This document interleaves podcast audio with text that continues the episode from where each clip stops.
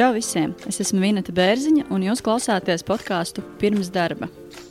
Mani interesē reāla darba meklēšanas un atrašanās stāsti, sarunu biedru personīgā pieredze un viņu veiksmes formulas. Mans podkāsts ir sarunas ar cilvēkiem ceļā uz viņu sapņu darbu. Šī ir podkāstu pirmā epizode, un jūs dzirdēsiet divas sarunas. Es sarunāšos ar kontaktu veidošanas un darba meklēšanas čempionu Kristapu. Pāris sekundes vēlāk intervētāji pateica, ka Dievs nopietni tā lapa man izglāba no depresijas. Un IT kompānijas testēja labu personāla speciālisti Annu. Nu, jā, un tad vadība teica, jā, forši, uztais. Nu, tāds arī viņam bija tas viens projektiņš. Un tagad mums ir arī tāda ar kāda, kur arī kur darbinieki var savā brīvajā laikā aiziet atvilkt telpu. Kristaps stāstīs par savu darba meklēšanas pieredzi, un savukārt Anna par testētāju darbu viņas uzņēmumā. Ar Kristapu tikāmies agrā darba dienas rītā. Čau, Kristap! Sveicināti!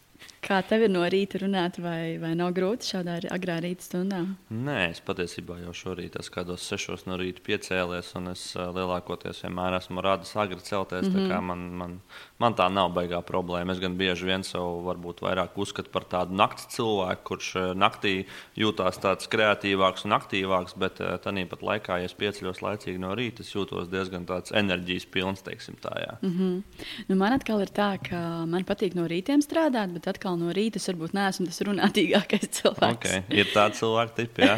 jā, tā esmu es. Uh, nu, lūk, Kristap, varbūt var arī pastāstīt, uh, ko tu šobrīd dari? Ok, tad vienmēr sakot, šobrīd es esmu pārdošanas un biznesa attīstības vadītājs uzņēmumā Rekrur. Mm -hmm. Rekrur ir Igaunijas uzņēmums. Konceptuāli vispār tas mātes uzņēmums ir Ignite, un Rekrur ir viens no viņu produktiem. Un Rekrur ir personāla atlases automatizācijas rīks. Viņi jau šo pro produktu ir uzsākuši saka, ražot un laist tautās no 2016. gada. Mm -hmm. Un, attiecīgi, ar šī gada sākumu viņi ir izlēmuši agresīvi aktīvāk iet Latvijas tirgu. Un tad tā un ir sanācis, ka no šī gada februāra es esmu viņiem pirmais un vienīgais cilvēks mm -hmm. tieši, kas strādā ar Latvijas tirgu. Un, attiecīgi, tad uh, mans fokus un uh, mans saucamais full-time darbs ir uh, rekrūra. Mm -hmm. uh, bet ņemot vērā, ka uh, jau iepriekš, ņemot pat arī šo globālo situāciju, man tāpat tās darbs vienmēr ir bijis attālināts, vai arī no kurienes es vēlos viņu darīt. Tad, protams, ka tā diena ir pašam jāmenedžē, jāplāno. Mm -hmm. Un, uh, tas reizēm arī var būt tā, ka iespējams pirmā dienas daļa ir brīvāka un atkal vakars, un varbūt arī nedēļas nogali ir aktīvāka. Kā, nu, tas ir pašam atkarīgs no manis, jo maniem Igaunijas saka, vadītājiem ir svarīgi redzēt rezultātu. Mm -hmm. un, un tā, tā jau ir mana atbildība, kā es viņu sasniedzu. Kā, un atsaucoties uz manu amatu nosaukumu, tad jā, manā atbildībā ir jaunu klientu piesaiste, strādāšana ar esošajiem klientiem, uh, jaunu potenciālo biznesa partneru atrašana un kontaktu ar viņiem dibināšana attiecībā attiecību veidošana, kā arī vispār palīdzēt viņiem iekļūt Latvijas tirgū, kļūt pamanāmiem. Mm -hmm. Tas ir mans ikdienas darbs. Paralēli tam, protams, man ir arī citi projekti, un viens no šiem projektiem ir teiksim, mans Eichmann and Oakman Consulting Company, kas ir arī pirms gada tieši sācies, kas ir pamatā ar domu mediācija, cilvēku savešana kopā, kontaktu dibināšana Un šajā kontekstā atkal tās varētu arī vieglākiem vārdiem definēt kā biznesa konsultācijas. Ir mm -hmm. cilvēki, kuriem ir vajadzības, vēlmes, idejas, un viņas tiek realizētas caur mani pateicoties maniem kontaktiem. Tā, jā, tas būtu tā. Jā. Cik ilgi jau esi rekrūrā? Rekrūrā es esmu no šī gada februāra sākuma. Ja mēs tā precīzāk sakām, mm -hmm. tad 7. februāris kā, nu, drīz jau būs apaļi trīs mēneši. Jā. Mm -hmm tādu ilgāko darba meklēšanas pieredzi piedzīvojumiem, kā tev ir klājies? Nu, tāds pēdējais, ko es spožāk atceros, ir pagājušais gads. Tāpēc, kad uh, sāku es ļoti tādus aktīvus darba meklējumus tieši jā, nu, jau var teikt, pirms gada aprīlī, un uh, kuri ļoti agresīvi, es gribētu teikt, tiešām nepārspīlējot, turpinājās līdz augusta vidum, kamēr es atradu darbu vienā Latvijas IT uzņēmumā. Un, attiecīgi, šie mēneši bija tiešām izaicinājumi pilni, baiļu pilni. Ļoti liels darbs pašam ar sevi. Ne tikai, protams, uztaisīt šo CV skaisti redzamu, ne, bet arī nofokusēt savu uzmanību, jo bieži vien ir situācijas, ka tu meklē darbu un uh, atbilde nav tik ātra, kā tev gribētos. Un, uh, un tu sāc just, kad ir kaut kādi papildus iemesli, papildus situācijas, kas tev rada bailes. Tu sāc domāt, varbūt tu vispār nedabūsi to darbu, kuru tu vēlēsies, un varbūt tu kādā brīdī paliksi bez uh, finansiālās, ja kā saka, pamatu stabilitātes. Bet, uh, Laikam ejot, tas viss sāk pārvērsties par tādu azartu, tā darba meklēšanu, pilnīgi godīgi. Un vienā brīdī es sapratu, ka uh, es varētu, patiesībā, ja, ja mēs runājam skaitļos, es gribētu teikt, ka to mēnešu laikā es nosūtīju vairāk kā 300 CV. Wow. Un uh, es biju, varētu teikt, uz kādām pieļauju 20 intervijām. Protams, ja mēs skatāmies proporcionāli, tas skaitlis ir mazs, jā, bet ir mm -hmm. jārēķinās ar to, kad es arī pilnīgi godīgi atzīšos, ka bieži vien es sūtīju arī uz vietām, kuras varbūt īsti nav mans plauktiņš, vai kur varbūt nav tā pieredze, ko viņi tieši meklē. Bet vienā brīdī, kad es sāku just to momentu tādu, ka tas nostrādāja tomēr ilgtermiņā. Jo Es tajā darbā, ko es atradu IT kompānijās, gan ilgu laiku nenostrādāju. Un patiesībā, kā man tas ļoti labi palīdzēja, es pēc tam vairs varēju nesūtīt savu CV. Es biju nodibinājis kontaktu ar HR cilvēkiem konkrētos uzņēmumos, mm -hmm. un man atlika aizsūtīt ziņu, ka es esmu darba meklējumos, un man jau vienkārši pat taisno uzaicinājusi tikšanos ar nodaļu vadītājiem. Tā kā man personīgi šis viss process, es pieļauju, ir bijis citādāks nekā citiem. Es viņu ļoti ilgi. Uh, Pie viņa ļoti ilgi strādāju, lai viņš strādātu ilgtermiņā. Ar tādu domu, lai man pēc tam, kad ir jāmeklē darbs, man ir sagatavs, tā, mm -hmm. lai es varu jau pāris soļus apiet, ne, nesūtīt šo CV un uh, vienkārši uzdot ziņu kaut vai tajā pašā WhatsApp vai piezvanot. Jā, kā, jā. Tad tu saproti, ka tu dibināji kontaktu tieši ar HR cilvēkiem. Ja? Jā, jā, tieši tā. Kā tu HR... to darīji? Lielā mērā tas izšķirošais punkts bija, protams, pati intervija. Tas, tas, kas ir, nu, ja mēs tagad uzreiz neejam atsevišķu sadaļu ieteikumu, tad viens no maniem ieteikumiem un, kā saka, atziņām ir tas, ka tev var būt jā, labs un skaists CV un tiešām tur cēls un fantastisks pieredzes, bet lielā mērā intervija ir tā, tā, tas posms, kur tu sev pārdod. Un, uh, ir ļoti bieži arī man nācies arī interviju laikā nodibināt, tiešām, kad es jūtu, ka ir savstarpēji ķīmija ar to cilvēku, kas man intervē, kad viņš kļūst atklāts un man stāsta par citiem kandidātiem, mm -hmm. kuri man ir bieži esmu dzirdējis variants, kad atnāk ar augstākajām izglītībām, bakalauriem, maģistriem ar fantastisku pieredzi, bet uh, intervijā īsti nevar neparunāt, ir varbūt pat nepiemērots saģērbies. Ja? Mm -hmm. uh, attiecīgi, varbūt uh, arī nezinu, cilvēks nav bijis dušā pat tā vai ne smieklīgi, bet nu, tā, tāds, tāds mēdz būt situācijas, tāda ir realitāte. Un, uh, un tā rezultātā šī intervija ir uh, iespēja, uh, kur tu vari sevi pārdot un parādīt sev kā cilvēku. Jo tas ir tas svarīgākais, ko man liekas, viņi arī skatās. Tu tevi kā cilvēku, un vai tevi var apmācīt, vai tu esi atapīgs. Nu, lūk, un šis ir process, kur es intervijā nodibinu šo kontaktu. Un, kā tu to un, un, dari? Tas ir patiesībā ļoti teiksim, tā atkarībā no situācijas. Tas ir ļoti jūtot otru cilvēku. Nu, es pieļauju, ka tas ir. Nu, katram mums ir kaut kādas savas stiprās, vājās puses, vai ne? Un es vienmēr esmu bijis kā, pārliecināts par savu komunikācijas spēju, un tāpēc es droši vien pieļauju, ka mana tā vieglā attieksme un tā vieglā sajūta otram cilvēkam arī ļauj justies komfortabli, kā rezultātā tiek pārtraukta kaut kāda veida barjera. Un, uh, bieži vien es arī cent, nenolieku to, ka es arī kādreiz izmantoju kādu triku. Es uh, papētu to cilvēku, ar ko man ir jāiet uz interviju. Viņš ka viņš man atsūta atbildi vai nē. Es apskatos Facebookā to cilvēku, redzu, piemēram, kādus kopīgus draugus. Un, ja kāds no tiem personāžiem ir tāds īpaši izteikts, tad uh, tas ir tāds uh, ledus lauzes, teiksim tā, vai ne? Jo jūs uzreiz jūtaties mazliet familiārāk. Kā... Tad uzreiz lietas lieto, lietā to. Jā, tā, tā, tā ir mana pieeja. Tas ir, mm -hmm. Es saprotu, ka kurš katrs to neies un nedarīs darīs vai ne, un cilvēkiem ir savu viedokli un savu uzskati, bet uh, es vienkārši konkrēti dalīšos ar savu pieredzi. Un, uh, man tas personīgi ir uh, ļoti daudz reizes nospēlējis šī, šī teiksim, uh, motivācija būt familiārākam ar otru pusi. Jā. Tas, tas uzreiz ir tāds mazliet uh, cits rezultāts, varētu teikt tā. Jā, Kur tu meklē šo informāciju? Nu, pieņemsim, kā jūs aizsūtat uh, to pašu CV. Parasti atnāk atbildes e-pasts. Bieži vien tas ir automātiskās atbildes e-pasts, bet bieži vien tas ir arī tā no tās personas. Un tad jau apakšā e-pastā ir uh, paraksts, ja tur ir vārds, uzvārds, ja, ko mēs ļoti viegli varam, kā saka. Patiesībā to arī vajadzētu darīt. Tomēr ir savā ziņā jābūt uh, gatavam uz to, ar kādu cilvēku tu tiecies. Ja? Tas arī ir viens no aspektiem, ko es esmu mazliet pievērsis uzmanību, jo ir reizēm tādi aspekti, kur tu varbūt pat redzot cilvēka uzvedību un uh, sevis parādīšanu sociālos tīklos, spēja mazliet kaut kādu rast tādu iespēju, kāds viņš cilvēks ir. Un, attiecīgi, nu, protams, labi, es to neesmu gluži darījis, bet man nāk prātā, tie ir visādi triki. Jūs varat pētīt to HR cilvēku, kas varbūt viņam par hobijiem patīk filmas, kaķi vai ne, un tad iet uz interviju un uz to arī spiest. Bet, nu, tā jau tāda savā ziņā manipulācija un uh, baigā spēle. Bet, uh, Kāpēc gan ne? Es kādreiz izmantoju skaču tēmu. nē, īsti nē. Man ir, man ir sanācis tā, ka ir bijušas intervijas, kurā mēs, es pieminu to pašu savu izkliedējošo Facebook projektu Fāter dzīvi, kas ir diezgan smieklīga lieta. Man reizēm liekas, ka cilvēki varētu padomāt ne to nopietnāko par mani, bet bija starp citu vienā no intervijām.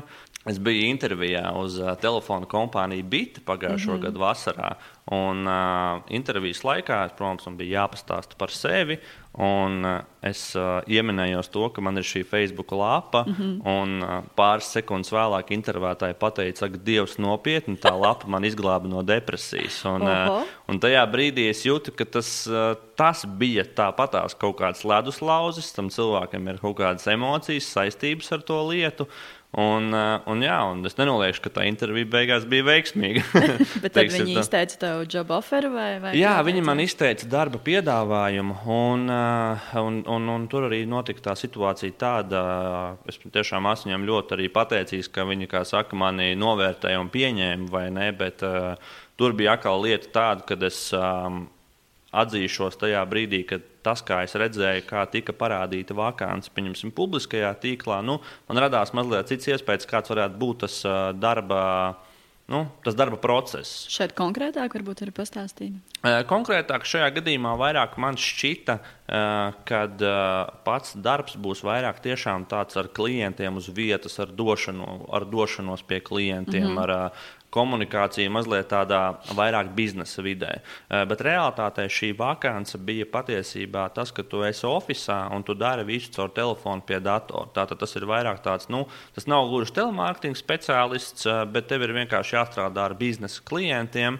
Bet, tas nebija gluži tā aprakstīts vakancē, tik tieši, ja, kā es varbūt to teicu, bet uh, man vienkārši personīgi radīja tādas uh, mazliet apjukuma emocijas. Un, un es, uh, esmu savā pieredzē iemācījies, ka nav jāmelo par savām sajūtām. Tāpēc es arī pēc pirmajām dienām pateicu arī vadībai, ka es ne, neturpināšu šo darbu, jo es negribu ne sev, ne viņiem tērēt laiku un naudu. Un, un tad mēs apusēji, kā saka, šķīrāmies. Jā, tā, kā, tā bija viena no manām arī dzīves pieredzēm, kur varbūt uz kaut kādām bailēm, uz emocijām balstīts, es pieņēmu šo darbu. Lai gan patiesībā no vienas puses intervijas brīdī es jau mazliet intuitīvi jūtu, ka tomēr kaut kas nav. Kā, jā. Bija man arī, starp citu, pirms tam starpam arī citi darba piedāvājumi, kurus es pats noraidīju. Vienkārši es ne, ne, nevēlējos tajos strādāt. Kāpēc tu noraidīji? Kādi bija tie iemesli? Uh, es nejūtu uh, sevi tajās amatos, teiksim tā. Uh, jo ar mani ir tā situācija tāda, ņemot vērā, ka es, man bija šī iespēja būt daudz un dažādās vietās. Uh, bieži vien jau aizejot uz interviju, cilvēkiem arī radās kaut kādas sajūtas par to vietu tu sāc domāt, vai tu vēlies tur atrasties vai nē. Es pieļauju, jā, kāds var teikt, ka es esmu nezinu, bijis izvēlīgs vai kā tam līdzīgi, bet es uh, nevēlos vienkārši tērēt cilvēku laiku un resursus, ja es jūtu, ka nebūs. Jo no manis vienkārši nebūs attiecīgi tā atdeve, ko viņi sagaida. Un tas beigās ir savā ziņā tāda netieša zakšana, ja, un ar mm -hmm. to es neatbalstu. Un uh, vienkārši ir atzīšos bijušas vietas, kur es aizēju, un es nejūtu ne to ķīmiju, es jūtos tajā telpā ne tā pārāk komfortabli, un es vienkārši nejūtu to vidi, ka man tur būtu reāli patīkami strādāt. Un, Līdz ar to ir bijuši tādi iemesli, ir bijuši iemesli, ka tu jūti, ka no tavas, ne, ka no darba devēja puses ir ļoti švaka komunikācija. Tevi tur apmulsumā, tev sola atbildi būs tad, bet atbildi nav, nezinu, divas, trīs nedēļas, pat mēnesis vai ne. Un tajā brīdī tu vienkārši saproti to, ka tev vairs nav laika un tu netērēsi savu laiku tur un tu dosies tālāk. Cik varbūt ir ilgākais, cik esi gaidījis atbildi? Noteikti mēnesis, gribētu teikt, varbūt mazliet ilgāk. Nu, nu, nē, nu labi, teiksim tā, ar krūru gadījumu bija jā, ilgāk nekā ilgāk tādā ziņā, ka es biju aizmirsis, kas pat viņiem nosūtīja CV. Bet šeit ir atkal tas stāsts, kas ir ļoti liels no manas puses, pa pleciņu uzsitiens rekrūram, kad es pirmo reizi mūžā saņēmu tik ļoti patiesu atvainošanās vēstuli par to, ka netika ilgi komunicēts. Un, un tas no viņa puses bija moments, kas mani nopirka, teiksim, tā jau var izteikties. Mm -hmm. Un tajā brīdī, kad es saņēmu to ēpastu, es atbildēju ar jā, un kopš tā brīža viss notika ļoti ātri, ļoti profesionāli. Un pat tiem visiem mēnešiem atzīšos, ka es nekad mūžā nebiju saskāries ar tik pozitīvu pieredzi darba meklēšanā, un darba iekārtošanā un visos procesos. Tad šī ir viena no labākajām pieredzēm. Vai tev ir bijusi varbūt kāda netika laba pieredze darba meklēšanā? Mm. Ja godīgi tā tagad domājot, man nenāk prātā nekas tiešām tāds ļoti slikts vai, vai kā tam līdzīgi, kas man ļoti būtu iespiedies atmiņā kā traumatisks vai ne. Bet jāatzīstās, ka pirms šī visa darba meklēšanas posma dzīvē man gāja mazliet citādāk. Es patiesībā tajā posmā, kas man bija pagājušā gada, pats sevi iemetu. Jo man kaut kā vienmēr, beidzot vidusskolu, bija veicies un veicās ar to, ka man ir daudz kontakti un es patiesībā ļoti daudz darba piedāvājumus dabūju nesūtot CV, bet vienkārši caur saviem cilvēkiem. Kā tu to izdarīji? Uh, teiksim tā, ja mēs runājam par pāris konkrētiem projektiem, tad tas ir uh, vienkārši tev ir saka, jāpierāda sevi vienā projektā, kuru tev uztic cilvēki konkrēti. Un, ja tu sevi labi parādi un visu izdari, tad šie cilvēki ir gatavi ar tevi arī strādāt citos projektos. Un manā gadījumā tā tas arī, arī ir. Un, uh, es uh, nu, saku, publiski nesaukšu vienkārši cilvēku vārdus, bet, ja viņi paši dzirdēs, viņi paši sapratīs, kur tie ir. Tā ir konkrēti viena ģimene. Ļoti tuvu draugi man tiešām ļoti daudz man dzīvē ir palīdzējuši un devuši iespējas, un attiecīgi šīs dotās iespējas ir uh, materializējušās tādā formātā, kad es uh, pēc tam darbu meklējot, atkal varu dalīties ar ļoti interesantiem stāstiem un pieredzēm. Sarunu sākumā tu minēji par bailēm, kā ir stress, bailes, kas vēl varbūt tur bija, uh, kad meklēja darbu. Noteikti tās arī bija varbūt kaut kādas intervijas vai darba vietas, uz kurām es ļoti vēlējos tikt. Un tad atkal bija bail neiegūt to iespēju. Un, bieži vien arī bija tā, ka tajā brīdī vairāk pārņem tas aspekts, ka tu esi ļoti iedomājies un sasapņojies par to vietu, un tev tā liekas, tava nezinu, paradīze un mūža mm. sapnis un mērķis, un, un tev nezinu, pazudīs visu dzīvi, ja tu to nesasniegsi. Ne? Tā kā, bet tā ir tāda sava veida mirkļa ilūzija, un beigās tu saproti, ka uh, Labi, ka tu tur netiki, jo tu nokļuvi kaut kur citur tālāk, ja kur tev bija jānokļūst. Tā kā, tās bailes ir ļoti tādas tiešām miksētas. Tie iemesli, protams, nu, loģiski, ka daudziem cilvēkiem ir tā arī man tie bija iemesli, zin, kā palikt bez finansējuma. Uh, palikt vispār bez darba vietas, ja mm -hmm. uh, tev sākās rasties, tev sāk rasties šaubas par sevi. Bet uh, tas process ir uh, patiesībā ļoti skaists, jo tajā procesā tu arī sevi iepazīsti. Un tev ir jāspēj vienkārši uztvert, ko tu domā, ko tu dari, kas tu esi tajā brīdī, jā, un kāpēc tu tā domā, kas ar tevi notiek. Jā. Sarunas sākumā arī minēja par vairāk kā 300 CV. Kā ir ar šiem CV? Vai tu pats viņus veidoji, vai tev kāds palīdzēja? Es pats veidoju, teiksim tā, noteikti pilnīgi mans ieteikums ir, es uztaisīju savu CV www.canva.com. Mm -hmm. Es paņēmu vienkārši gatavu templētu, kurus, protams, pārtaisīju. Bet mans CV nav tā kā, teiksim, Word failā, viņš ir PDF formātā, kā reāli attēls, kā, nezinu, kā afiša, kā buklets. Mm -hmm. Un uh, patiesībā kopš brīža, kad es uztaisīju tur CV, es esmu saņēmis komplimentus no intervētājiem par to, ka viņiem patīk, kā izskatās mans vizuāls CV.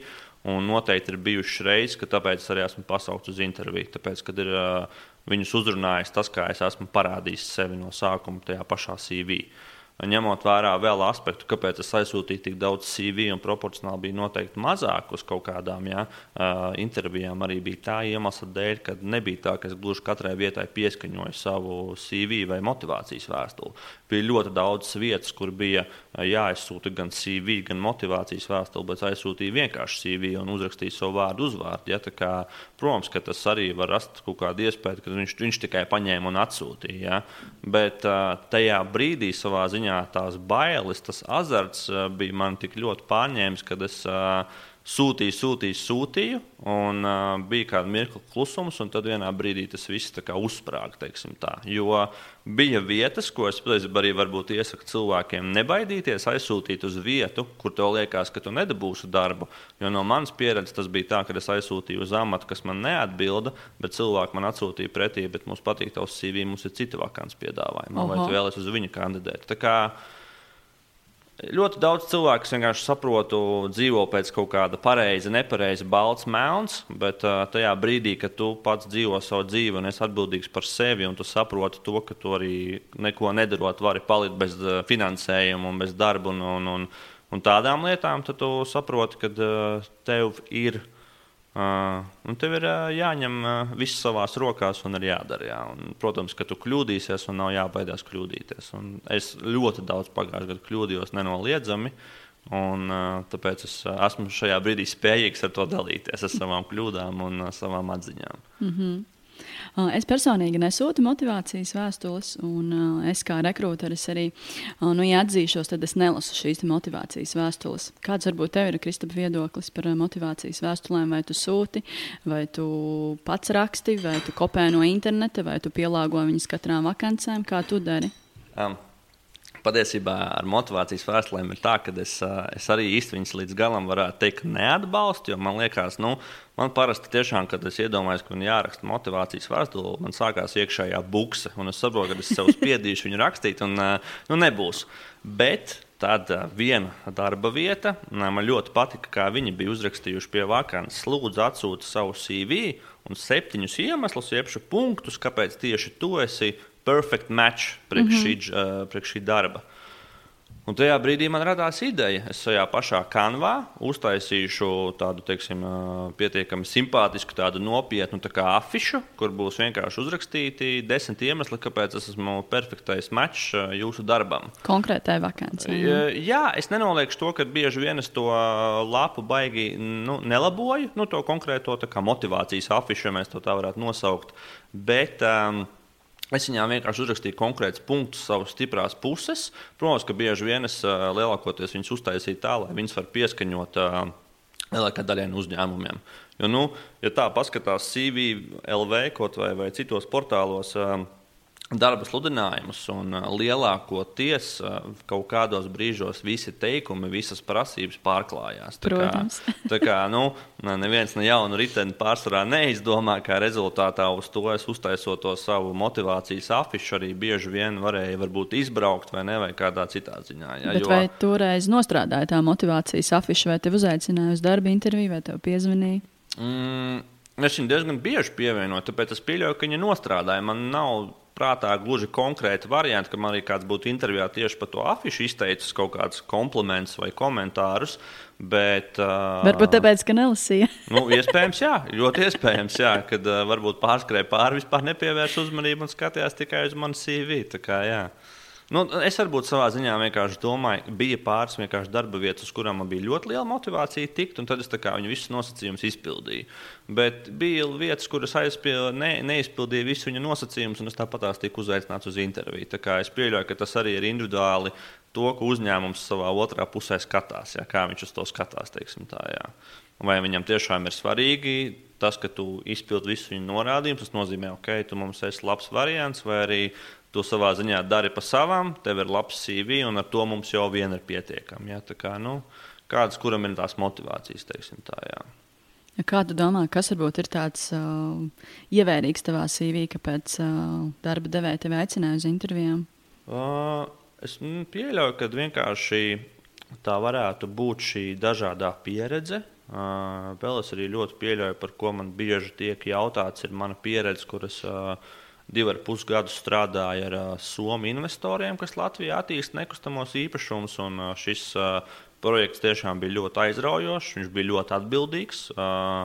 Lielā mērā manā atbildībā tiešām bija vairāk objektu, kas bija jāapsaimnieko, arī jā, jā, jāapmierina, kā saka, un jāklausa. Un tāpat laikā ir jāpārstāv investoru intereses Latvijā. Kā rezultātā ļoti daudz cilvēku, kas ir biznesā, viņi vienkārši saprot to, ka tā nu, lieta ir diezgan nopietna. Un kad uh, ir bijuši kādi jautājumi, kā tu tiki līdz tai pieredzē, vai ne? Un, uh, ja mēs konkrēti runājam pirms uh, IT uzņēmuma, kurā es strādāju, pirms rekrūra, uh, tad tajā gadījumā man bija sajūta, ka uzņēmuma vadītājiem tieši šī mana pieredze ļoti interesēja. Mm -hmm. Tas viņu arī uzrunāja. Uh, noteikti arī tas, ka. Uh, Man, pieņemsim, ir arī darba pieredze, un arī prakses pieredze, un iegūta pāris certifikāti no IT uzņēmuma Accenture. Tas ir nenoliedzami, ka mums cilvēkiem un daudziem patīk uh, un interesē redzēt uh, lielus, respektablus vārdus, vai ne? Tas arī noteikti spēlē savu veidu lomu. Un uh, noteikti arī tas, jā, kad tas CV ir vizuāli uztaisīts tā, lai viņš būtu acīs iekrītošs. Tā, jā. Ar attēlu, manu bildi, papildus informācijām, prasmēm, visām, kas ir vajadzīgas. Mm -hmm. un, uh, arī pat laikā nepārāk gari nav apraksti pie katra amata, konkrētas jā. lietas, ko es darīju, prasmes. Un, jā, kā, jā. jā, es esmu bieži arī saņēmis no intervētājiem jautājumus, kāpēc ir kaut kādas pieredzes, kuras esmu īsu laiku bijis. Jā. Bet uh, kaut kā, ja godīgi, līdz šim man ir tā, ka uh, lielākoties katrai pieredzei ir tiešām savi iemesli, savs stāsts. Un ir, protams, kaut kādas vietas, kuras esmu pats aizgājis vai kā tam līdzīgi, bet es arī godīgi pasaku, kāpēc, kas ar mani bija tajā brīdī, kāpēc es tā nedarīju. Un es esmu jūtis, ka, ja man ir kāds pajautājis par to vienu no Accenture pieredzēm, kas man bija tajā, kā, kas sākās ar bootcampu, kas ir iespēja sākt no nulles savu karjeru, un pēc tam tā praksa bija tikai pāris mēnešus, attiecīgi pastāstu savu stāstu, kāpēc tas tā bija kad es nevēlējos ilgi tērēt uh, cilvēkiem laiku. Un tajā brīdī es jūtu, ka cilvēks novērtē to, ka tu spēj godīgi pateikt. Jā. Mm -hmm. Un šajā gadījumā vēl mans ieteikums patiesībā arī būtu, ja jums ir kādas darba pieredzes, kuras ir uh, īsākas, tikai varbūt pāris mēneši, apstākļi var būt tiešām daudz un dažādi. Un, uh, Viņu var vienkārši pierakstīt pie sadaļas papildus pieredzes vai īstermiņa projekti vai kāda praksa vai kā tam līdzīgi. Līdz ar to tas tik ļoti neliks acīs starp to ailīti, kas ir darba pieredze. Tā, jā. Tā kā, jā. kā tu nonāci pie tā? Tu, tu pats izdomāji, vai tev kāds ieteica šādu ideju? Uh, es patiesībā Ko vēl es jā, godīgi darīju, teiksim, kur varbūt es prasīju palīdzību konkrēti ar CV. Man jau bija pirms tam kontakti HR nozarē. Es vienkārši piezvanīju pāris HR meitenēm un pajautāju, kā viņas vērtē CV, ko viņas dara. Un, principā, no viņām es vienkārši ieguvu šos tips and tricks. Un, protams, es ļoti pats arī vienkārši smieklīgi ierakstīju Google, ja kaut kā how to make CV vai ne, kas ir tas, ko intervētāji pastāsta CV. Nu, tās iespējas, kā atrast atbildes vai ne, ir ļoti daudz un dažādas. Ja tas, kad reizēm cilvēkiem varbūt ir aizspriedumi, viņi domā, ko es rakstīšu Google, tādi ja jautājumi, kā uztaisīt CV. Nu, jā, varbūt ir smieklīgi vienā brīdī. Man pašam tajā brīdī likās smieklīgi, bet uh, pāris no tiem atrastajiem avotiem man noderēja beigās. Tā kā, tā kā jā, viss ir, viss ir atkarīgs no mums pašiem, kā mēs uh, spējam atrast informāciju informāciju, ko mēs no viņas izvelkam. Mm -hmm. Kā, jā. Jā, 300 darba vietas ir diezgan daudz, kur tu nosūtīji CV. A, kur tu viņus meklēji? Kas, kas ir tie avoti? Uh, lielākoties uh, CV online, tikai un vienīgi CV online. Un, principā, tā mana, uh, mans uh, darba meklēšanas grafiks bija sekojošs. Es uh, katru dienu, uh, katru vakaru, teiksim, tā gāju CV online. Es konkrēti atlasīju meklēšanā vakances, kurām ir visdrīzākais eh, derīguma termiņš. Es uh, atzīmēju konkrētu algas uh, apjomu, no cik līdz cik es esmu kā, gatavs un cik es vēlos. Un lielā mērā tā es arī pēc tā arī skatījos. Protams, es skatījos arī uz konkrētām vakancēm, kas bija vairāk biznesa attīstība, pārdošana, vadība. Un, lielākoties, tad, protams, ik pa laikam es aizsūtīju arī uz kādu vakanci, kas uh, man nelikās, varbūt, ka varētu galīgi būt priekš manis, ja kā jau es minēju pirms tam. Bet, uh, principā, tā bija mana taktika. Atzīšos, ka tajā periodā reizēm arī bija tā, ka es vienkārši cēlos naktī, jo miegs bija baigi saraustīts, un es ņēmu telefonu rokās un sūtīju tos CV vienkārši naktī. Un, un, un bija reizēm pat tā, ka tev vienkārši nākamajā rītā zvana un aicina uz interviju. Kā, Cik tev tas ir svarīgi, var no telefona nosūtīt savu pieteikumu? Manā gadījumā tas bija ļoti svarīgi. Tas, bija, tas tiešām bija ļoti akūts, svarīgi, jo, ja godīgi, lielāko daļu no CV nosūtīts ar telefonu. Tā kā jā, man, manā gadījumā, jā. At savu CV tu esi licis kaut kādās CV datu bāzēs vai sūtījis varbūt kaut kādām atlases kompānijām? Jā, es esmu sūtījis atlases kompānijām. CV online es biju kādu ilgāku laiku atpakaļ ielicis savu CV. Teiksim, no tiem, no šīm darbībām es nejūtu tik ļoti lielu atdevi. Teiksim, tā, jā. Uh, kas vēl, kur vēl esmu meklējis. Tas pats Facebook vai ne. Ļoti viegli ierakstot hashtag, ir darbs, bieži vien izlaiž visi posti, kas ir kaut vai ko pašu uzņēmumu ir ielikuši. Attiecīgi, CV marketā, ja godīgi, es ļoti maz biju meklējis mm -hmm. vakances.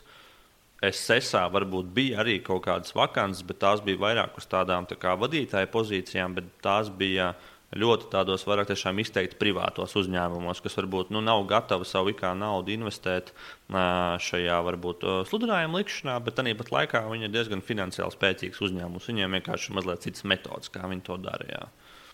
Kāpēc nenostrādāja tas, kas sūtīja savu CV atlases kompānijām, likis IVLV datubāzē? Kā tu domā, kas tur bija?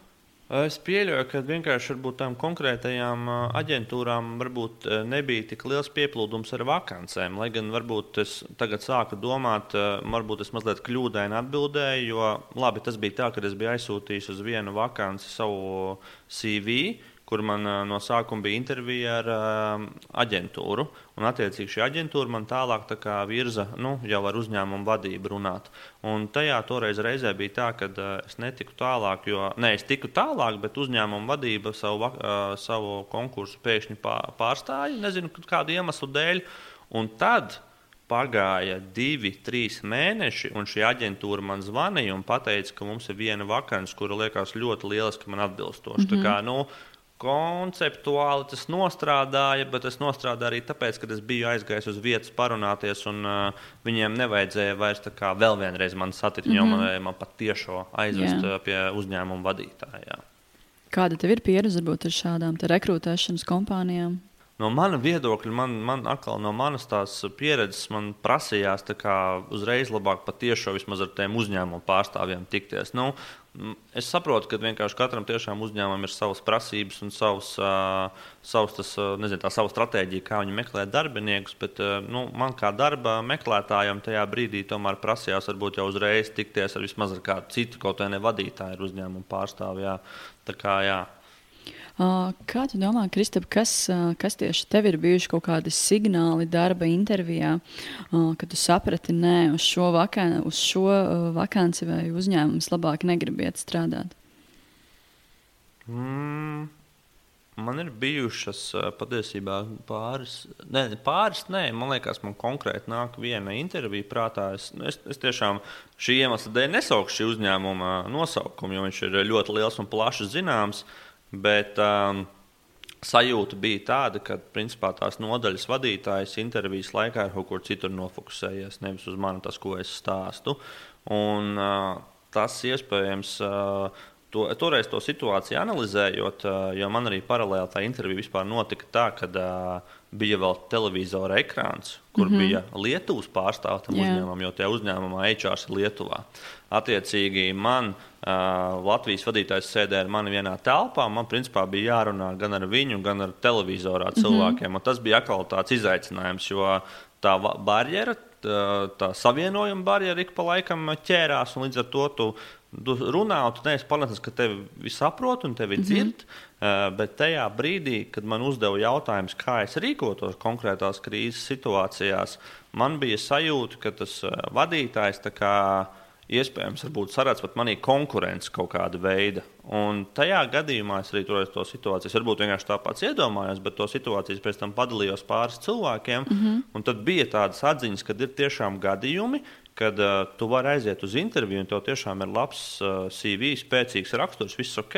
Un tādā brīdī, principā, tu tam darba devējam ievēros, varbūt pat esi neizdevīgs. Jo tu varbūt diktēsi savus noteikumus, tu mm -hmm. nāks ar savu vīziju, tu varbūt pat kādu no nodaļas iespējams izspiedīs laukā. Nu, ne jau aiz ļaunu prātu, bet vienkārši aiz tīra nu, tā visas globālās bildes. Un, uh, Un varbūt, nu, jā, varbūt tā tiešām ir mana sajūta, bet tās intervijas gadījumā bija man mazliet tāda sajūta, ka tā kā, varbūt tas cilvēks vienkārši nebija gatavs, kad es biju gatavs ar tādiem risinājumiem risināt tā to situāciju. Jā, jo uzņēmums bija tiešām ļoti liels, pasaules līmeņa uzņēmums, un viņi jautāja, kā rīkoties, ja piesim, pēkšņi apstātos produkcijas piegāde. Es reāli pateicu, ka tas iet pa taisno pie vadības, runāt par mm -hmm. to, jā, nu, kā ar viņiem vai ne. Un es pieļauju, ka vienkārši tajā uzņēmumā tā nav pieņemts, ka tu, tu šiem baidies iet pie vadības runāt vai ne. Un, jā, tad vienkārši varbūt es tikpat labi neatbildu viņu tam saucamajam korporatīvajam konceptam. Jā, tā tā kaut kā. Jā. Kristap, kāda tev ir varbūt šī šāda lielākā atziņa no darba meklēšanas pieredzes, ko tu guvi pavasarī? Mm.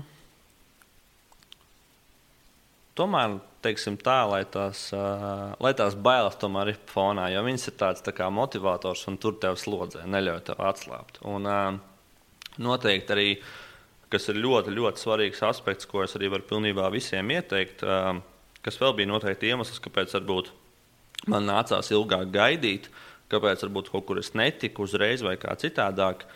Tas reāli bija vasaras periods, un mm -hmm. lielākoties vasaras periodā cilvēki iet atvaļinājumos. Un bija daudz tiešām gadījumu, ka man uzņēmumi arī pasaka, ka nu, jārēķinās, ka atbildi nāks ilgi, jo mums cilvēks ir atvaļinājumā uz divām nedēļām, uz trijām nedēļām. Un tajā brīdī, kad es par to visu savu darbu meklēšanas situāciju stāstīju daudziem, tad daudziem bija tas, bet es saprotu, ka tagad ir atvaļinājuma periods, līdz ar to nu, viss būs ilgāk. Kā, nu, Noteikti, nu kā, nu labi, apstākļi ir apstākļi. Man bija jāmeklē tajā periodā, bet uh, droši vien, kad vasaras periods ir jārēķinās ar to, ka būs ilgāk šī visa komunikācija un viss process. Jā, tev ir ļoti bagāta šī darba meklēšanas pieredze. Tev ir bijuši neskaitāmi arī darba piedāvājumi. Uh, manuprāt, uh, ko es priekš sevis guvu šajā sarunā ar tevi, ka nevajag baidīties. Varbūt neņemt pārāk daudz projektus, domāt ar galvu un jā, galvenais iet uz priekšu un nebaidīties. Tā kā liels paldies tev par šo sarunu. Paldies, ka atbrauci rītā agrumā aprunāties. Bija ļoti forši. Ceru, ka arī tev patika. Jā, pilnīgi noteikti. Tas ir. Uh Es tiešām novērtēju jā, šo sarunu, un, un, un, un paldies, ka tu man uzaicināji. Es tiešām jūtos pagodināts, un uh, noteikti mēs tiksimies vēl, vēl, vēl un vēl, un arī citos tīklos. Tā, tā noteikti. Kā, jā, jā. Paldies, tev, Kristīne. Paldies, paldies. Es esmu Vineta Bērziņa, un jūs klausāties podkāstu pirms darba. Savā podkāstā es aicināšu viesus no dažādiem uzņēmumiem, kuri stāstīs par darba iespējām un vakancēm savās kompānijās. Pirmais tās būs no Annas. Uh, Anna pie manis ir atnākusi no uzņēmuma Testdev Lab. Tātad IT uzņēmums. Un, uh, jā, Anna ir HR un arī IT rekrūteris. Uh, Anna, es tev pareizi pieteicu, varbūt vari kaut ko papildināt par Nē, sevi. Viss ir ļoti pareizi. Paldies! jā. Jā, nu tad esmu, kā jau Vineta teica, esmu HR uzņēmumā TSD Lab. Kas ir TSD Lab? TSD Lab ir tāds ļoti interesants Latvijas uzņēmums, kas nodarbojas ar programmatūras testēšanu. Mm -hmm. sniedz to kā ārpakalpojumu dažādiem klientiem pārsvarā klienti nav gluži arī no Latvijas, kādi mm -hmm. nu, 97% mums Aha. no visiem mūsu, no visi mūsu apgrozījumi un uh, projektiem tas, tas iet uz eksportu. Kas tieši ir jūsu klienti, kāda veida uzņēmumi? Klienti mums ir visdažādākie. Um, mums ir klientu lokā vairākas uh, tās augtās Fortune 500 kompānijas, arī kā piemēram Microsoft. Strādājam arī pietiekami daudz ar dažādiem, varbūt arī mazāk zināmiem uzņēmumiem, arī ar pietiekami maziem, bet uh, nu, arī interesantiem startupiem. Tāpēc diezgan, diezgan daudzveidīgi mums ir klienti, arī kur pārstāv ļoti daudz un dažādas nozares. Mm -hmm. Cik jūs esat varbūt cilvēki un uh, kas strādā vispār jūsu uzņēmumā? Kas, kas ir tie cilvēki? Mm -hmm. nu, šobrīd kopā esam ap 180 cilvēkiem. pa visiem mūsu, pa visiem birojiem, kas ir uh, biroji. Mums ir šobrīd kopā četri, kas ir Rīga, Ventspils, Liepāja un Daugavpils. Mm -hmm. nu, Rīgā, protams, attiecīgi vislielākais - 70% kāda no mums ir testētāji, tad uh, kādi 20 ir arī programmētāji, izstrādātāji. Mm -hmm. Un, nu, un pārējie desmit attiecīgi ir administrācija, nu, respektīvi HR, sales un mārketings, uh, arī valde un uh, arī biroja administrācija, dizaina komanda Saprotu, ka jūsu uzņēmumā strādā jaunieši. Ka, kāpēc tieši jaunieši izvēlas testdevu? Labi, kas, kas jums tāds ir, ka piesaista tieši viņus? Es domāju, ka jauniešus pirms piesaista tas, ka mums ir pieejams pietiekami elastīgs darba laiks. Ļoti daudzi mūsu, ļoti daudz mani kolēģi paralēli strādāšanai arī studē. Mm -hmm. Tas viņiem ir diezgan vērtīgi, tas, ka viņi darbu var apvienot arī ar studijām. Varbūt arī vairāk pastāstīt par šo elastīgo darba laiku, jo katrs to uztver pilnīgi citādāk. Nu, ar elastīgo darba laiku es domāju to tā, ka, nu, protams, tas darba laiks ir jānostrādā. Nu, tā, astoņas stundas. Nu, astoņas dienā. stundas tieši tā. Bet, ja, nu, piemēram, nu, visādi var gadīties kādam kaut kāda lekcija vai nodarbība pa dienas vidu, tad uh, tās izlaistās stundas, ko tu pavadi darot kādas citas lietas, tu pilnīgi mierīgi vienojoties ar savu komandu un ar vadību, un vari atstrādāt kādā citā laikā, kad tev ir ērtāk. Vai jums ir arī kaut kāds laika posms, nezinu, piemēram, no desmitiem līdz četriem, kad ir jābūt visiem birojā? Uh, nē, šādi mums šāds nosacījums mums nav. Uh, galvenais ir jārēķinās, ja tu strādā pie kāda konkrēta projekta, kur ir ieplānoti kaut kādi visai komandai kopējie sazvani, tad mm -hmm. nu, vienkārši jārēķinās ar tiem, ka tāda var būt, un, un tad gan jābūt pieejamam. Mm -hmm. Bet tāds nosacījums faktiski mums birojas, ja ir nepieciešamība, biroja mums ir pieejama 24,7. Oh, forši. Jā. Kas vēl varbūt jums ir tāds, kas piesaista tieši jauniešus? Mm, nu, mums tā darba vide ir pietiekami tāda, gribētu teikt, ērta un relaksēta. Um, Protams, mēs sagaidām, ka uz darbu nākas tīrās, sakoptās drēbēs, bet savādāk mums dresa koda nav. Galvenais, lai darbinieks jūtās pietiekami ērti. Ar šortiem var nākt uz darbu? Kāpēc gan ne? Super lieliski. Kāpēc gan ne? Nu, protams, arī, kā jau teicu, nu, tomēr sagaidām, ka tie šorti būs tīri. Pieklājīgi. Šorti, jā. Pieklājīgi, bet jā, arī pa biroju staigājam, lielākā daļa staigājam zeķītēs. Nu, arī, Oho. protams, čības var ņemt, ja vēlies. Bet, jā, tā atmosfēra mums ir tāda, cenšamies viņu padarīt pēc iespējas mājīgāku. Um, kas vēl varētu jauniešus interesēt? Um, parasti cenšamies neierobežot, uh, ja kādam ir nepieciešamas kaut kādas uh, ierīces, specifiskas. Pie mums arī ir diezgan liela vispār uh, testējumu ierīču kolekcija. Piemēram, nu, dažādi telefoni, mums ir planšetes, datori. Un uh, parasti, tad, kad nu, nu, zini, katru gadu iznāk kaut kādi tie jaunie flagmaņi, telefoni tiem lielākajiem mm -hmm. ražotājiem, tur Apple, Samsung. Nu, parasti ir tā, ka mēs esam vieni no pirmajiem, pie kuriem šīs ierīces parādās. Tad, jā, cilvēkiem, kurus interesē tehnoloģija, kas nu, būsim atklāti, arī ir lielākā daļa, kas IT nozarē strādā, tad pie mums ir iespēja to būt vieniem no pirmajiem Latvijā, kas viņus arī var apčamdīt, paspaidīt, paskatīties, kā viņi strādā. Protams, tā, to, tās ierīces arī tiek izmantotas darbam, bet jā, dažos noteiktos laikos gadā, kad tas ir kaut kas pavisam jauns, svaigs un interesants, tad ir iespēja to visu redzēt pirmajam. Vai jums ir arī kaut kādas galda spēles vai cita veida spēles birojā? Ir mums galda spēles, jā, mums ir novus. Iepriekš bija uh, galda futbols, bet šobrīd atpakaļ ir novus. Mums tur arī pēcpusdienu čempionāti notiek. uh, ir arī iespējas tādas, ka, ja kāds darbinieks pats grib kaut kādu aktivitāti oficiālā sarīkot, nu, piemēram, par piemēru var pastāstīt. Vienam puisim radās ideja, ka viņš vēlās uzbūvēt tādu tādu arkādi, nu, tādu, zini, tādu 80. gadu arkādi, kur var dažādas datorspēlītas un tādas, tāda, tāda liela kaste. Nevar Nespēju iedomāties.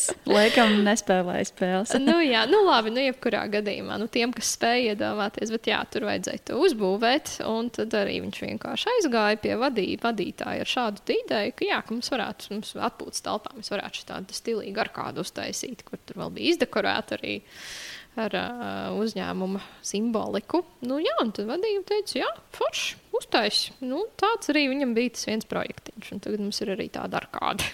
Super liels. Kur arī kur darbinieki var savā brīvajā laikā aiziet, atvilkt telpu. A, ko jaunieši visbiežāk jautā darba intervijās? Kas ir tas, kas viņiem ir nepieciešams, bez kā viņi nevar iztikt? Hmm.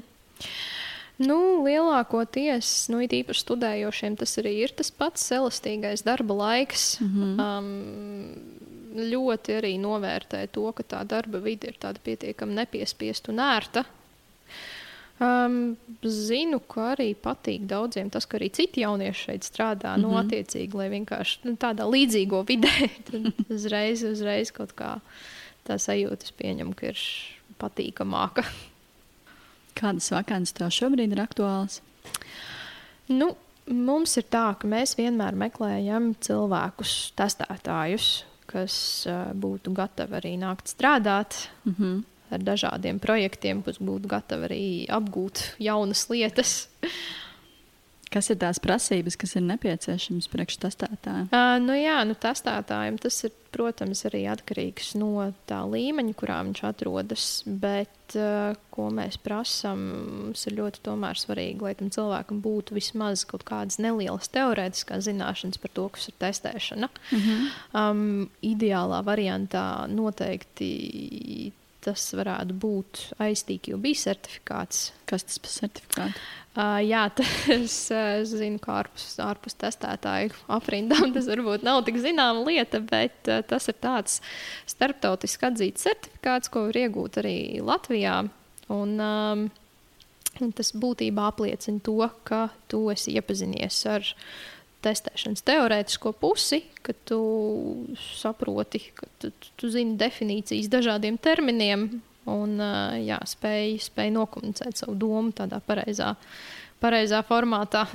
Tad es saprotu, ka pie jums var arī nākt testētāji bez praktiskās pieredzes, bet galvenais, lai ir kādas teorētiskās zināšanas, lai ir kāda skola iziet. Ja? Uh, tieši tā, jā, praksē, ja mēs runājam par praksi, mm -hmm. testēšanas praksi, tad mēs arī esam atvērti cilvēkiem, kuriem tādas iepriekšējas darba pieredzes nav.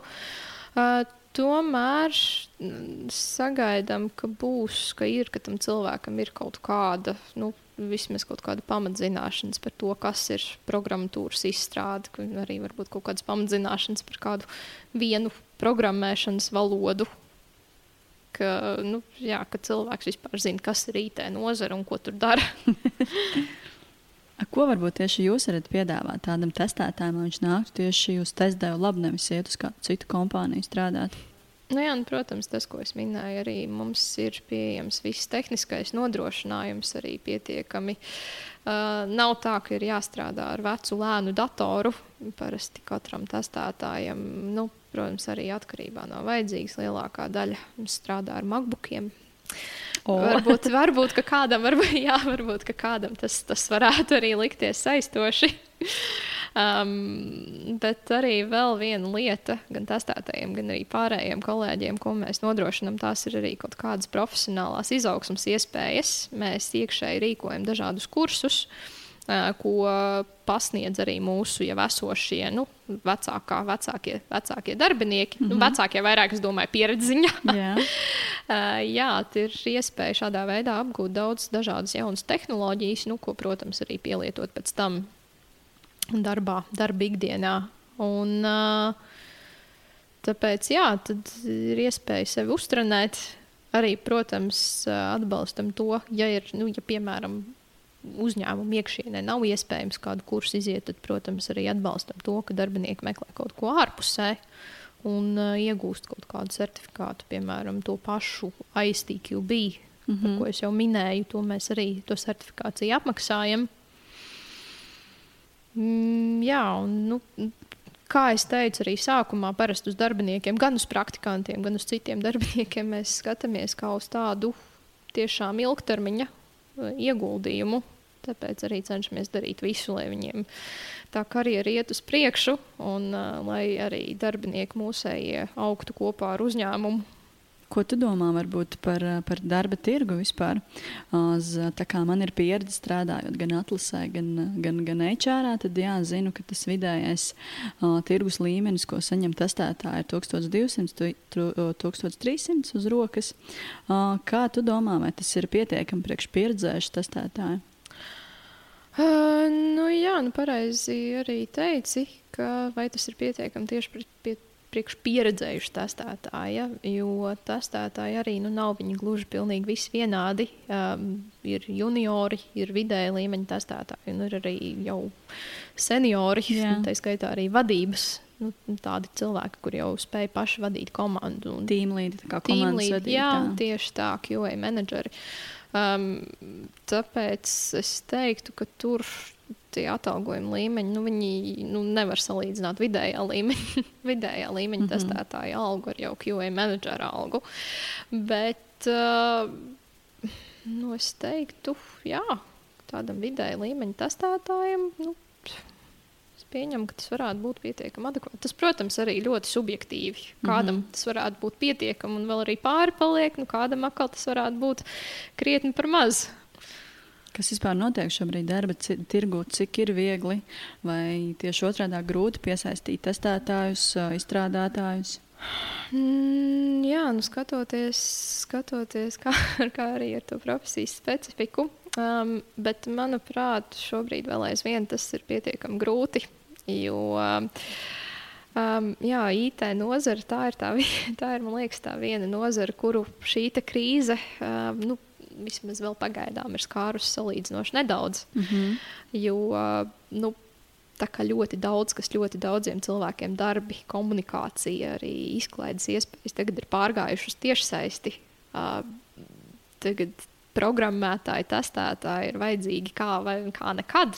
Jā. Un arī skatoties arī uz kaut kādiem sludinājumiem, zinu, ka daudz uzņēmumu šobrīd arī piedāvā algas, kas ir būtiski virs tā tirgus vidējā līmeņa. Kas ir tie par uzņēmumiem, kas var piedāvāt tādas algas? Uh, nu, nezinu, cik viņi var, bet kas ir gatavi tik daudz piedāvāt. Tie, ko es esmu novērojusi, tie pārsvarā ir arī kaut kādas komunikācijas platformas, uh, arī izklaides, izklaides platformas, nu, dažādi streaming servisi. Mm -hmm. Es LinkedInā saņēmu ziņu no viena izstrādātāja. Viņš man prasīja padomu, ko viņa darīt šajā laikā. Šobrīd vai mainīt darbu, vai nemainīt. Hmm. Kā Anna, kā tu domā, kāds ir tavs viedoklis? Um, jā, tas ir labs jautājums. Es teiktu, ka gan jā, gan nē. Um, kāpēc jā, kāpēc nē?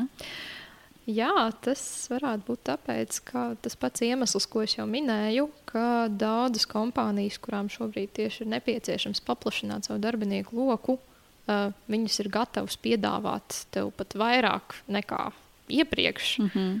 Tikai tāpēc, lai tu pievienotos viņu komandai un, un arī vienkārši veicinātu to biznesu. Un, uh, bet uh, kāpēc? Nē, bet, nu, nē tas ir nu, tas pats, kas visiem. Tomēr nu, tas ir diezgan slideni. Un tu nu, nevari zināt arī ar visu to, ka šobrīd arī kaut kādas nozares piedzīvo tādu mazliet lielāku pieaugumu. Tu tāpat laikā tu nevari zināt, kas būs pēc tiem trim mēnešiem. Anna, tu minēji, ka ļoti daudzi tavi, tavi kolēģi šobrīd strādā no mājām. Un visticamāk, jā, ka tehnoloģijas atļauj, viss izdodas, bet kā ar šo socializēšanos? Uh, šobrīd viņiem pietrūkst šī komunikācija savā starpā, pašai darba pasākumi, ko tu minēji, un vispārējais. Mm. Un, uh, kā tu domā, ja viņiem viss šis tiek atņemts šobrīd uz kādu brīdi, vai varbūt tā, ka viņiem paliks neinteresants tas darbs? Savā ziņā. Aha, jā, šis patiesībā ir ļoti, ļoti, ļoti labs jautājums. Um, man, kā es kā reiz, pat labi, arī nesen, mēs arī abas ar kolēģi pabeidzām uh, apzvanīt visus kolēģus. Mēs tā izdomājām, ka varētu uh, nu, vienkārši ar katru kolēģi individuāli sazvanīties uz mm -hmm. kādām piecām minūtēm, vienkārši apjautāties, kā viņiem iet. Un tāda interesanta lieta, ko es novēroju, ka cilvēki, nu, tieši pie mums strādājošie cilvēki, viņi dalās tādās divās daļās. Jā. Ir tie, tie gan es teiktu, vairāk tāds kā mazākums tie, kam nenormāli, ka tie, kas nevar izturēt mājās sēdēšanu, Jā. kura pilnīgi tā kā tāds sunītis pie durvīm skrāpējas, ka tik tikt ārā un pie citiem cilvēkiem. Uh, jā, tie ir tie, kur ļoti ilgojas pēc tās oficiālās vidas, bet tad atkal otrā daļa ir tie, kuri saka, ka viņiem mājās strādāt ļoti patīk, iet pat produktīvāk nekā iepriekš. Pilnīgi nekā netrūkst, komunicē, komunikācija ļoti laba arī attālināti un saka, ka jā, bez mazai vispār vairs nekad no mājas varētu neiziet. Super, nu izklausās, ka tas deva labu vēl joprojām gan, gan meklēt darbiniekus, varbūt Jā. lēnāk kā, kā iepriekš, bet gan arī uh, nodarbojas ar, ar visiem sociālajiem pasākumiem. Protams. Un, un, un, jā, un es arī redzēju, ja nemaldos, LinkedIn, ka jūs arī sūtat tā tādas mazas uh, welcome dāvanas saviem uh, darbiniekiem. Jā, tas arī bija ka tādu nelielu. Nu, kā tas latviešu saucās, grūti ir tādu care package. Atsakot paciņu ar labumiem. Jā, pats viņa ar labumiņiem arī tāds kā tāds pārsteigums. Kas bija tajā paciņā? Paciņā bija sejas maska, pats svarīgākā lieta. arī buļbuļsaktas ar C vitamīnu tabletēm, mm -hmm. kas, nu, protams, arī imu- imunitātes celšanai, mm -hmm. roku dezinfekcijas līdzeklis un arī sēklas ar trauciņiem, lai varētu sev iestādīt un izaudzēt zaļumiņus. Lai radoši varētu darboties. jā. Tieši tā, un arī, arī attiecīgi vitamīnus uzņemt papildus. Nu, super, Anna, paldies par uh, tavu stāstu. Paldies, ka atnāci. Paldies Man ir, tev. man ir prieks, ka Latvijā ir Latvijā vietēji tik forši uzņēmumi, IT uzņēmumi. Un, uh, man ir prieks, ka tev iet forši. Un, uh, neskatoties uz visu šo brīžu situāciju, tu joprojām esi pozitīva un domā jaunas idejas, kā tad darīt labu saviem darbiniekiem, kā viņus iesaistīt. Jā, paldies arī tev. Bija prieks šeit būt. Super, lieliski. Paldies, Anna, lai tev forša diena. Paldies tev arī. Atā. Tā. Jūs noklausījāties sarunas pirms darba. Ja podkāstā dzirdētais aizķēra, spiediet pogu abonēt vai sekojiet podkāstam Instagram vai LinkedIn profilos. Atbalstiet un izsakiet savus viedokļus komentāros, rakstiet man, ja vēlaties, lai jūsu stāsts izskan manā podkāstā. Nākamo podkāstu epizodi klausieties nākamnedēļ pirms darba. Uz sadzirdēšanos!